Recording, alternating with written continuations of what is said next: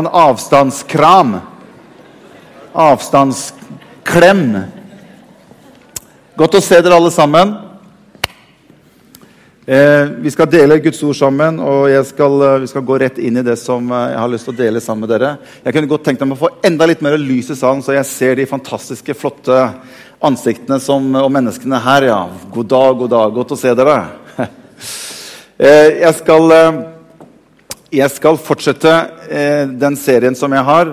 Eh, det er jo ikke noen veldig lange serier. Det er liksom to, to, to, episoder, da.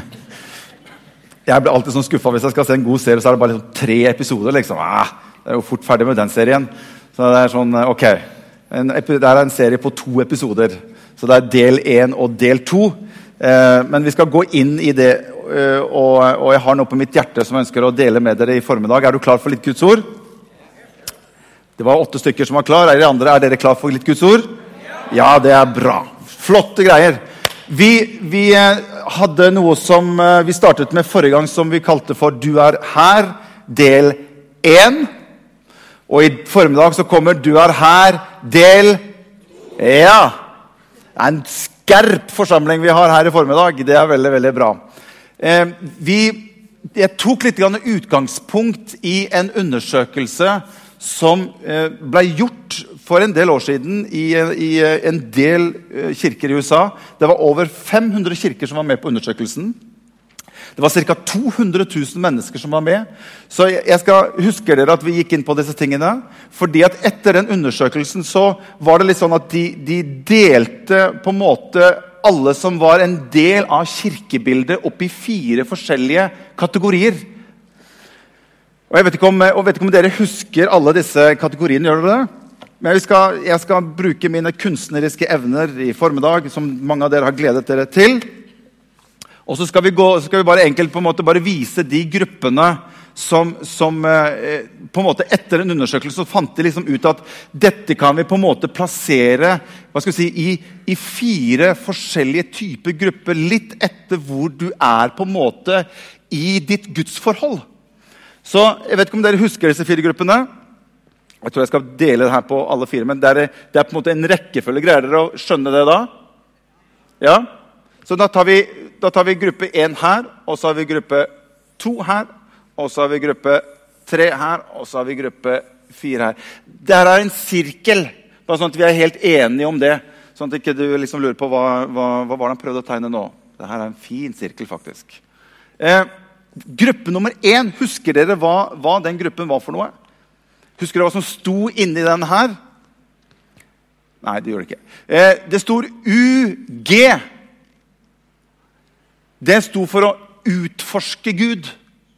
De fant ut at det var en del mennesker som var en del av fellesskapet, som gikk til kirker, men som enda ikke på en måte hadde tatt en beslutning for troen sin del. De var der, de var i fellesskapet, de, de, de, var sammen med de andre. Men de hadde sånn sett ikke på en måte sagt et ja til Jesus. Det var den første gruppen kategori. Som vi kan for så vidt sette her. Det her skjønner dere hva er for noe? da? Dette er et, et kors, ja. Og da går vi over til neste kategori, for i neste kategori så sto det SG. Husker dere hva det sto for? Startet med Gud. Ok? Nå har man begynt å komme inn i en relasjon med Gud. Og De to gruppene her snakket vi litt om, eh, om forrige gang. Eh, så kom vi til fjerde kategori. I den så sto det NG nær til Gud. Og i den fjerde kategorien så sto det GS. Som de begynte å betegne som gudsentrert i sitt liv. Så de hadde gått ifra et type fellesskap til en relasjon. Denne gruppen her var veldig mye snakk om disippelskap. At man begynte å bli mer lik Jesus i vandringen sin med Gud. Og den siste kategorien her, da var det snakk om mer eierskap, herredømme. At Gud hadde fått en såpass plass at de var på en måte villige til å ofre ganske mye i sin tro i sitt liv sammen med Gud. Og så var det noen sånne nøkkelpunkter som førte de til de forskjellige gruppene. Ikke sant? Fra den her, og så liksom inn i den gruppa der, og så fra den og dit. Husker dere hva det første her var for noe?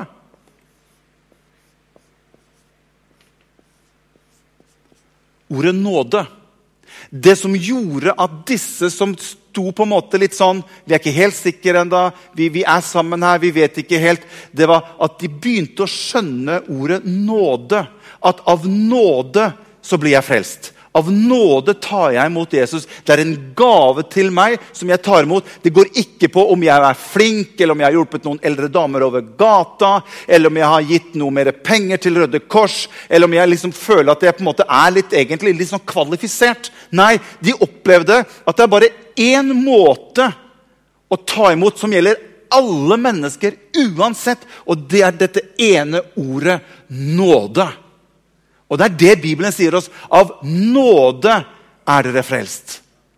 Fantastisk! Jeg er veldig glad for personlig at det ikke er om jeg er flink eller ikke flink, om jeg er kvalifisert eller ikke kvalifisert, som gjør at jeg kan få lov til å bli en, en, en gjenfødt kristen. Det er bare én ting som teller, og det er hva han har gjort for meg, ikke hva jeg prøver å få gjort for han. Og Det er så bra! Det er så godt å vite at det er ordet nåde. Det neste punktet som på en måte begynte å føre disse som da hadde begynt å komme inn i en relasjon, at de på en måte kom videre i livet sitt. Husker dere hva det var for noe? Jeg vet ikke om dere ser hva som står her, men det står Guds ord. Guds ord var helt avgjørende for å komme fra denne delen og begynne å komme inn i disippelskap og begynne å lære Gud mer å kjenne. Det helt avgjørende for å komme seg videre, det var Guds ord. At Guds ord begynner å bli betydningsfullt i mitt liv som kristen. Og Det ringer jo en bjelle for noen av oss. ikke sant? Vi vet jo litt om det at ja, Guds ord det, det er på en måte viktig. Det siste kategorien her det var ordet 'gi' som de kom fram til. Nå har vi hørt veldig flott fra Kjell og Kjell her om, om, å, om, å, være med å gi. Men det var ikke bare det med liksom, måte, at ja, hvis, du gi, hvis du begynner å gi penger, så, liksom, så spretter du fort liksom, opp i den kategorien der. Nei! Det at, det står om at de la sine liv ned. står det. De ga seg selv for riket og for Jesus. Det var noe at Jesu liv hadde begynt å ta sånn tak på dem. At vi ønsker å være med å gi oss selv til det Jesus ønsker at vi skal gjøre i livet. Og det gjorde noe med hele mentaliteten til de kristne som gjorde at de opplevde en veldig sterk hva skal vi si, eierskap til det å være en kristen, det å være en gjenfødt kristen. Det er de to her som jeg har lyst til å bare dele litt med dere i formiddag. For Vi har jo snakket om dette med at du er her. Litt ut ifra det at er, Dere har jo vært på noen kjøpesentre, noen av dere, noen av oss. Og da er det jo sånn at Du går til en sånn tavle som står 'Du er her'. Og Noen ganger så står du jo på, foran den tavla og hva skal vi si, ikke bare på en måte finne ut hvor du er hen, men litt i forhold til hvis du skal et sted. Du, eh, Anette og jeg vi har, vi har, vært et par ganger i, i Dubai. Ja da. Og, og i Dubai så fins verdens største kjøpesenter. Den har 1250 butikker, dere damer.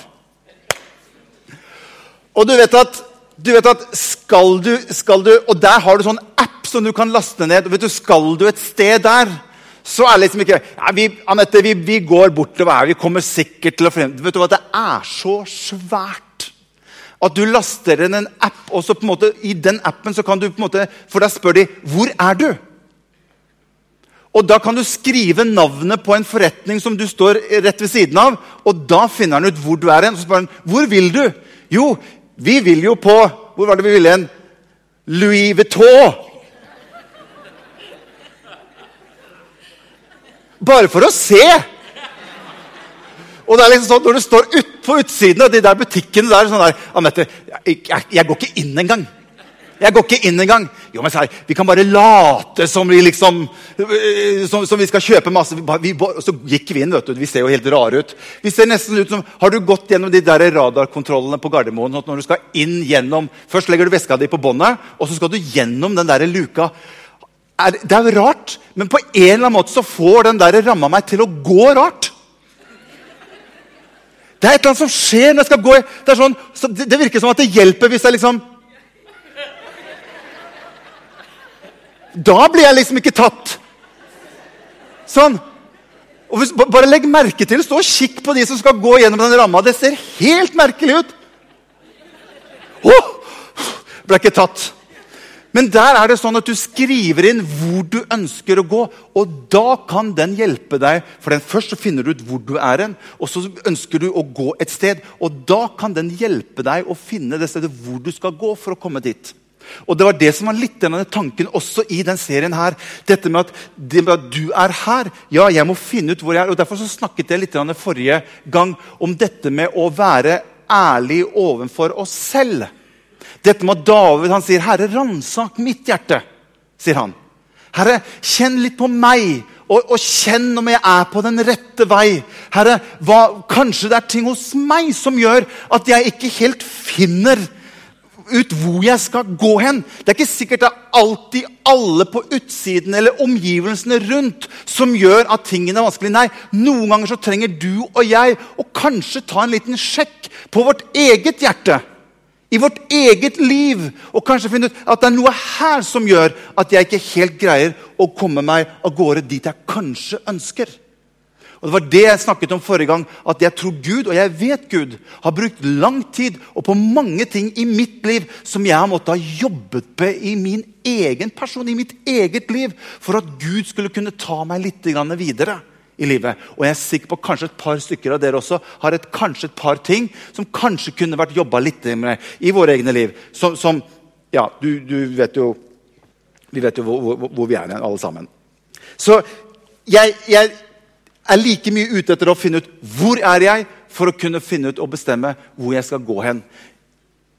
De fire kategoriene der stemmer veldig godt inn i lignelsen som Jesus har om såmannen og såkornet. Den Lignelsen om såmannen og såkornet den kan du finne i Matteus, og du kan finne i Markus og du kan finne i Lukas.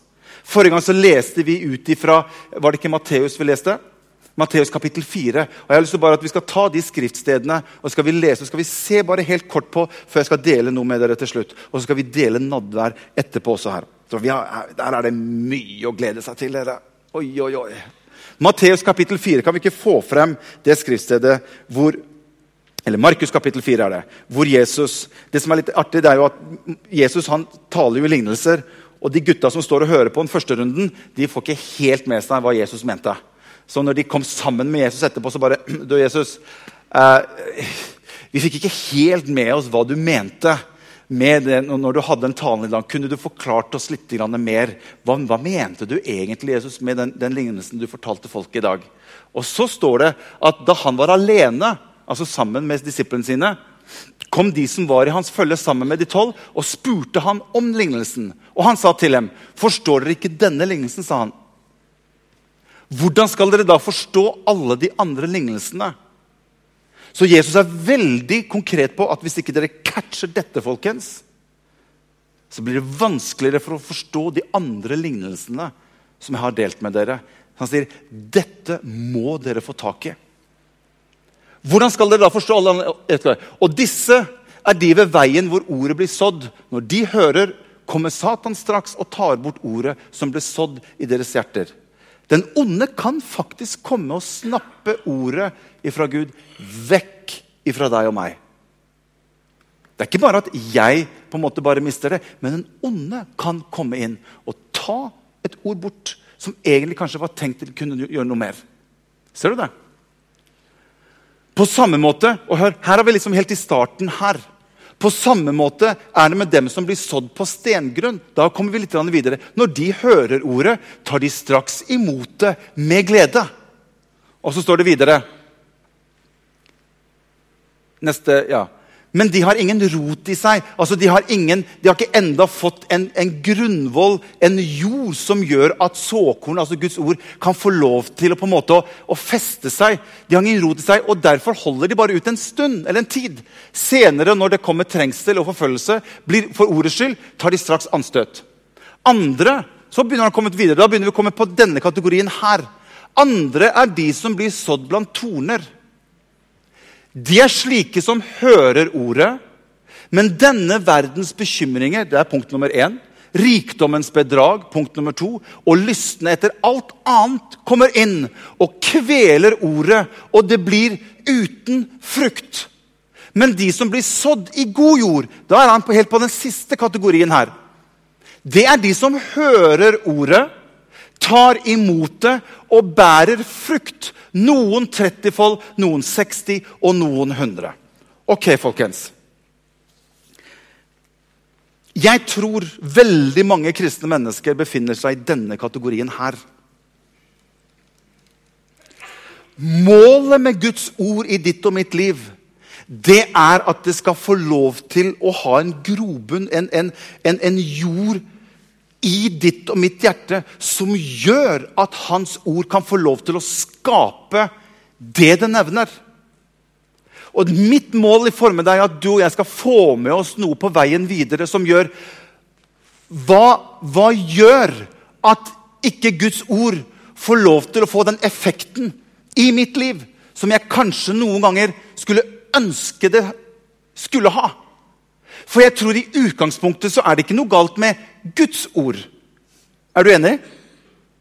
For Guds ord det står i seg selv. Det er levende og kraftig. Jesus sa at de ord som jeg taler, det er ånd og liv.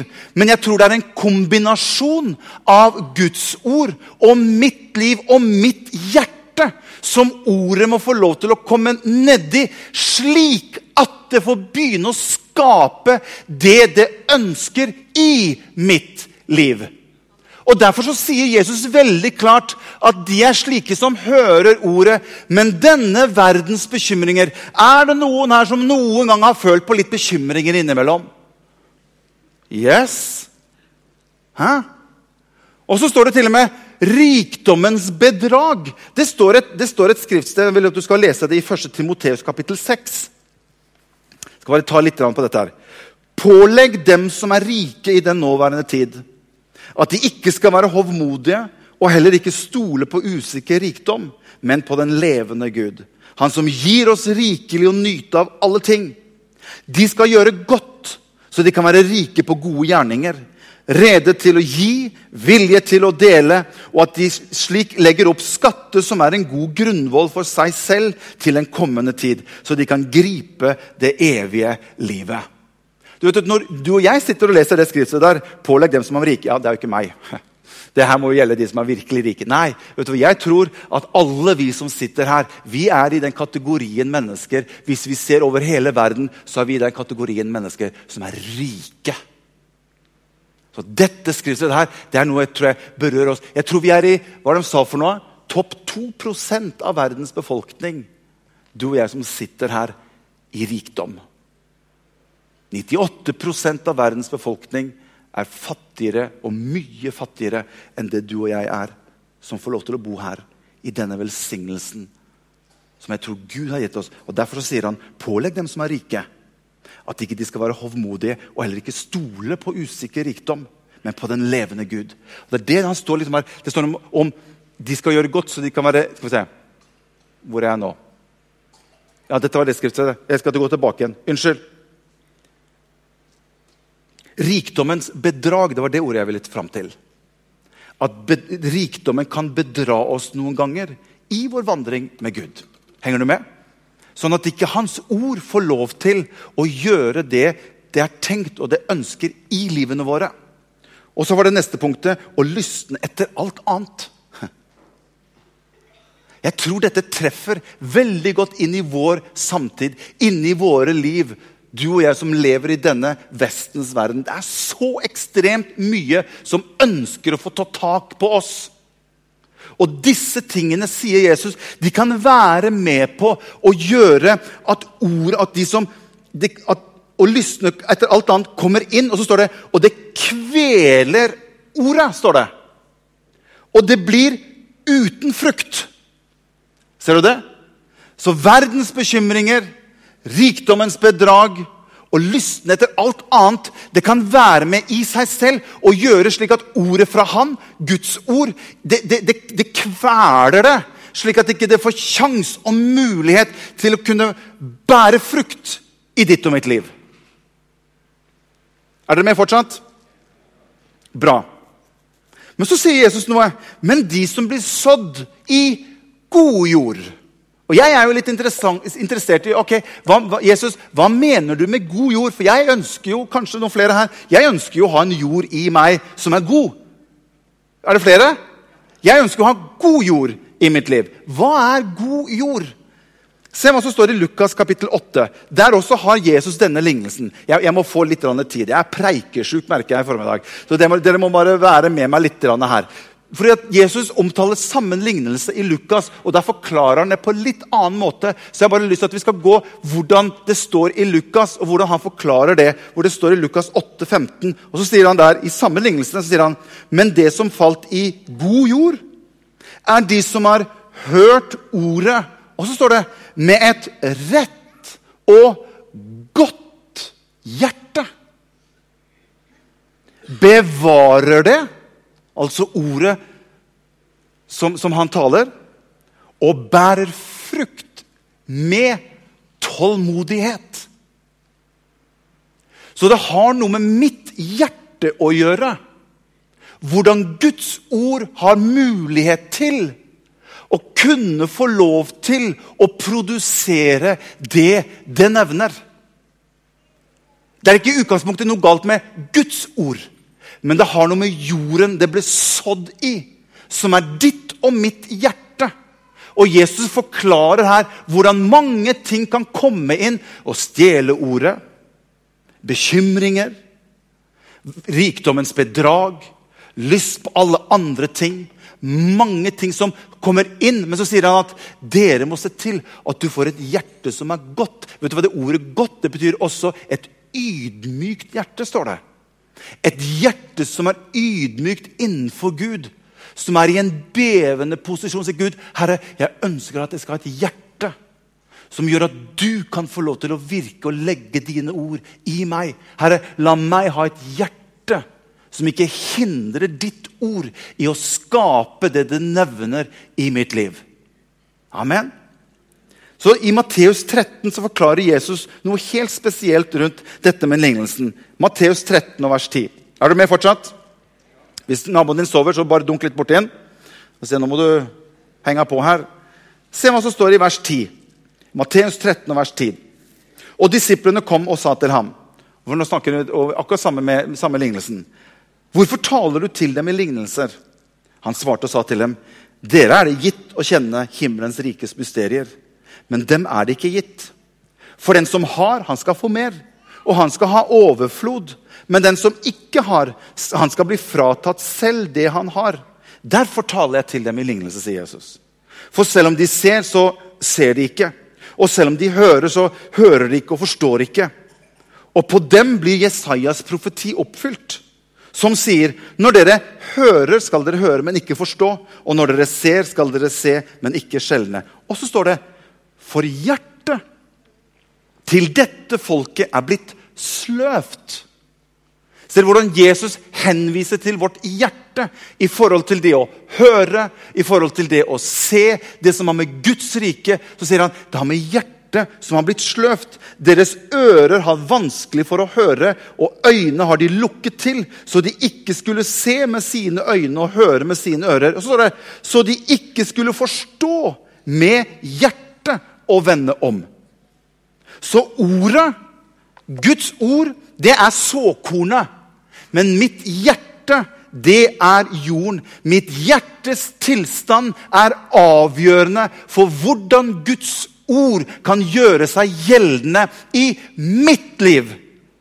Og Det er derfor det står i Bibelen at 'bevar ditt hjerte' fremfor alt du bevarer. Og så står det 'for livet springer ut ifra det'. Og Jeg har jo alltid tenkt på det at bevare mitt hjerte for livet. Ja, ok, jeg må, jeg må, ha et bra hjerte fordi at livet mitt, altså, sånn som jeg er, og sånn som jeg lever, og sånn som jeg snakker og sånn som jeg oppfører meg, det har liksom med livet mitt, så jeg må bevare mitt hjerte. så jeg kan... Så, sånn har liksom jeg tenkt på det. Men når jeg leser det i kontekst av dette, så syns jeg det får en litt annen betydning. Fordi Jesus sier 'bevar ditt hjerte fremfor alt'. For livet Hvilket liv? Mitt liv? Ja, det òg. Men jeg tenker Guds liv. Jeg må bevare mitt hjerte, slik at ikke ting som kommer opp i livet mitt av erfaringer, ting som skjer i livet mitt Og hør, vi alle opplever ting som skjer når vi vokser opp i denne verden, som er vanskelig, som er utfordrende, som vi nesten ikke kan tåle og greie å bære. Og etter hvert så plutselig så skjer det at jeg begynner å få et hardt hjerte. Jeg begynner å lukke igjen mitt hjerte fordi at jeg har blitt såret, jeg har opplevd vanskeligheter, ting har skjedd på min vei. Og jeg begynner å gjøre slik at hjertet mitt begynner å bli hardt. Og hva er det som skjer når mitt hjerte begynner å bli hardt? Det blir vanskelig for Guds ord, hans såkorn, å få begynne å få plass i mitt hjerte. Så jeg hindrer egentlig hans ord i å få lov til å komme inn i et godt hjerte, slik at det får rotfeste seg i hjertet og i sin tid bære frukt. Derfor så sier han du må bevare ditt hjerte. Du må se til at hjertet ditt er godt. For det er det som er nøkkelen til at du kan få lov til å oppleve at Guds ord i sin tid kan få lov til å bli sådd inn, og at det kan få lov til å bære frukt i ditt liv. Amen. Hvis ikke dette er bra, så veit ikke jeg. Halleluja. Stolthet. Selvforsvar. Ting som jeg bare, jeg, jeg bare holder ting på avstand. Og etter hvert så bygges det opp noe i mitt hjerte som gjør at Guds ord Det er så lett for den onde bare å ta det bort når han prøver å så noe inn. Du kan komme på en gudstjeneste, du kan høre ordet. Men, med, det var som Rune sa, at om det går inn det ene øret, det vet jeg ikke. Men at det går ut det andre øret, det vet jeg. Da har du ikke kjangs, altså. Men det har noe med at jeg bevarer mitt hjerte. Jeg har lyst til å gi dere noe på veien. Hva skal vi gjøre for noe? Hvordan fungerer dette her? Jeg har, jeg, jeg har tatt med meg noe her. Jeg ble veldig inspirert av Martin Cave, som, som var her forrige helg og var sammen med oss.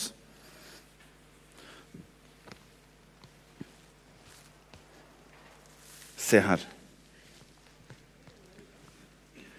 Anette, kan du Nei, da var det Han, han tok Salme 23 for oss. Og, jeg, og, og, den Salme 23 har jobbet i meg siden. Salme 23 som sier 'Herren er min hyrde'. Og så, og så sier David rett etterpå 'Jeg mangler ingenting'. Jeg lurer på noen ganger om vi syns det er ålreit, den første delen. Herren er min hyrde. Jeg vil gjerne ha han som hyrde. Men det å komme til den erkjennelse og falle til ro i den overbevisningen og kjenne det i sitt hjerte Jeg mangler ingenting. Og Jeg, jeg, jeg merket i dag tidlig når jeg var hjemme, så kjente jeg hvordan det ordet var tent. Hvis du har meg, så mangler du ingenting. Og det, virke, det, var akkurat som jeg opplever at det no, På engelsk noe som 'strings attached'. Har du hørt om det? Som, som, som, på en måte som står fast i deg. At ting som skyldes innover oss hver eneste dag. Og jeg har lyst på mer av det. Om vi bare kunne gjort det. Om vi kunne fått det. Om, kunne, om vi kunne fått kjøpt det. Om vi kunne fått masse ting som skyller innover oss hele tiden. Og som jeg tror denne verdens Gud ønsker at vi skal være så opptatt med. Men når David sier, 'Herre, du er min hyrde' Det holder. Jeg mangler ingenting. Det å komme i den selverkjennelsen der gjør at ting rundt begynner å miste sin makt over meg. Ikke at ikke han ønsker å velsigne meg, ikke at han ikke ønsker at jeg skal ha det bra på alle mulige måter. Det har ikke noe med det å gjøre. Men jeg er ikke søkende i det fordi at det skal tilfredsstille noe i mitt liv. Men jeg kjenner bare én ting. at så lenge han er min hyrde, så mangler jeg ingenting. Han lar meg ligge i grønne enger. Han er den som leder meg til vann, der jeg kan få lov til å finne hvile. Så lenge jeg har Jesus, så trenger jeg egentlig ikke noe annet i livet mitt. Du kan ta alt annet ifra meg, men Jesus, han vil jeg ha. Jeg trenger ingenting i tillegg. Og så står det i vers 5 Han dekker bord for meg. Oh. Like foran øynene på mine fiender.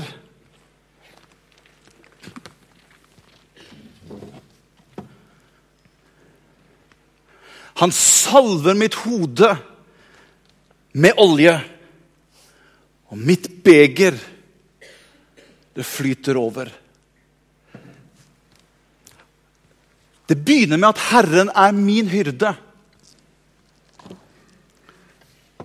Og så sier David Han dekker bord for meg. Og så er det interessant hva han sier. Like for mine øyne, fienders øyne. Jeg hadde jo tenkt som så Nei, vet du hva? Vi kan ikke, vi kan ikke spise her. Vi, vi, vi, må, vi, må, ta det ut et annet sted hvor det ikke er så mye vanskeligheter og problemer og utfordringer. Vi, må finne et annet sted hvor vi kan dekke bord og spise. Ikke her. Men David sier han dekker bord for meg like for øynene på mine fiender. På mine utfordringer, på mine vanskeligheter. Og Hvordan fungerer dette her? Jo, det er to stoler ved dette bordet her. Den stolen er for min hyrde. Han inviterer meg. Og Det er derfor Jesus sier at jeg ber ikke her om at du skal ta dem ut av denne verden, men at du skal bevare dem i denne verden. Å bli en kristen og ta imot Jesus det er ingen garanti for at du og jeg skal gå gjennom et problemløst liv. Aldri oppleve noen vanskeligheter. Men han har sagt at 'jeg skal være med deg' hver eneste dag. Og dette hadde David begynt å oppleve. Og han sier sånn Han dekker bord for meg, like for øynene på mine fiender. Vi er i en kamp. Vi er i en kamp i livet vårt. Det står til og med at den onde han går rundt som en brølende løve. står det. Og den onde vil alltid prøve å, å, å komme til inn i ditt og mitt liv. Og det skjer ting i ditt og mitt liv som er vanskelig å forholde seg til. Og som noen ganger er uforståelig. Og du kan si 'Gud, hvorfor skjer dette her?' Men like sant vil jeg legge det for dere i dag at likevel så står det at han dekker bord for meg. Det fins et bord som jeg har tilgang til i mitt fellesskap med Jesus. Som han har dekt for meg. Som jeg har tilgang til og hvor jeg kan få lov til å sette meg ned midt i det som er vanskelig, og det som er utfordrende. Og så kan jeg få kjenne det at her er friområdet mitt. Hvor jeg kan få lov til å sitte ned sammen med han som har sagt at han skal være med meg hver dag. Den onde han er jo litt sånn Han går rundt jeg tror vi hadde en stol til her. Den onde han går rundt takk Terje. Og han er alltid en som prøver å få tilgang til oss. Og Du vet at du skal ikke se bort ifra at hvis ikke vi er forsiktige i livene våre, så plutselig så gir vi han plass ved dette bordet her. Han får tilgang. Setter seg ned. Nå, Morten? Oi, her er det jo masse god mat og greier. Åssen står det til, Morten? Nei, nå er det ikke bra. Nå er det dårlig. Ja vel. Trodde du Trodde du hadde litt fellesskap med han på, på andre siden her? Funker det ikke? Nei Det er litt vanskelig. Ja vel? Hm. Hva var det første den onde sa til Adam og Eva? Altså, Har Gud virkelig sagt? Når jeg slipper til en onde inn på dette bordet her, og han begynner å spise av den maten som skulle være min, min mat Så må vi være forsiktige. For han vil alltid prøve å bruke Når Jesus ble fristet i ørkenen, så står det at den onde han brukte Skriften imot Jesus. Han tar den maten her, og så forvrenger han det. Og så plutselig så, så høres det i mine ører. Vær forsiktig med hvem som får lov til å sitte ned ved det bordet her. Det skal være ideelt to stykker. Meg og Jesus på andre siden.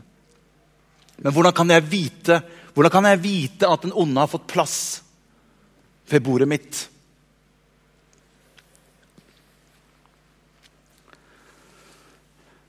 Det er noen ting som går igjen som jeg bare har lyst til å dele med dere. Det ene den onde pleier å si, og dette går igjen veldig ofte Han sier til meg, Morten Det her kommer du aldri igjennom. Det du er oppe i nå Du kommer aldri til å komme gjennom dette.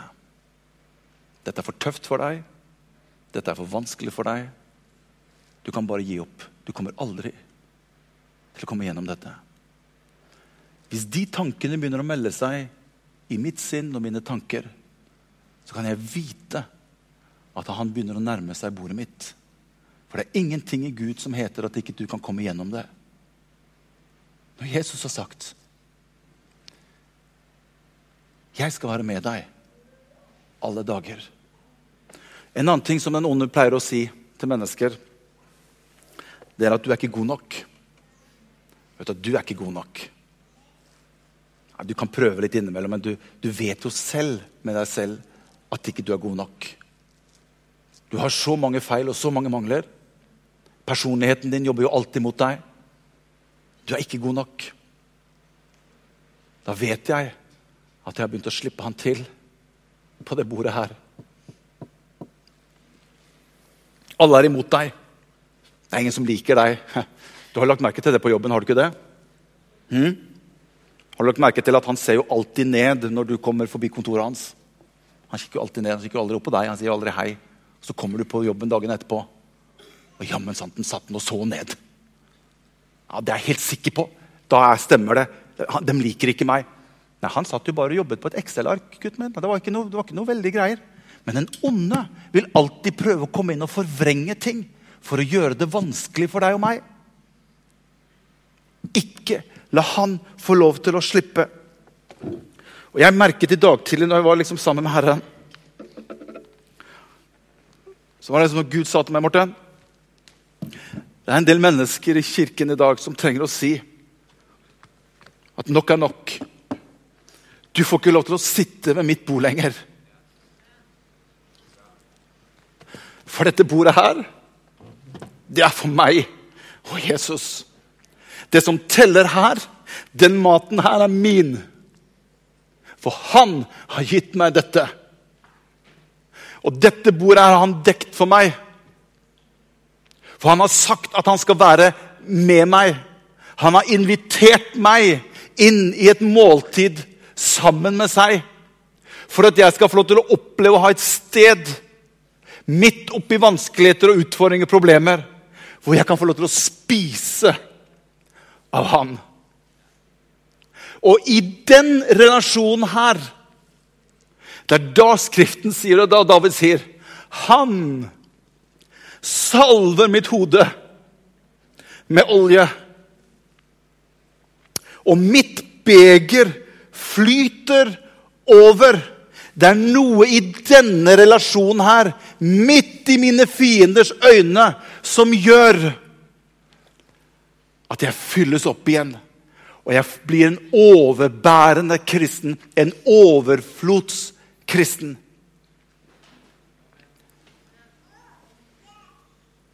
Og Jeg tror jeg snakker til noen. Vi skal reise oss opp alle sammen.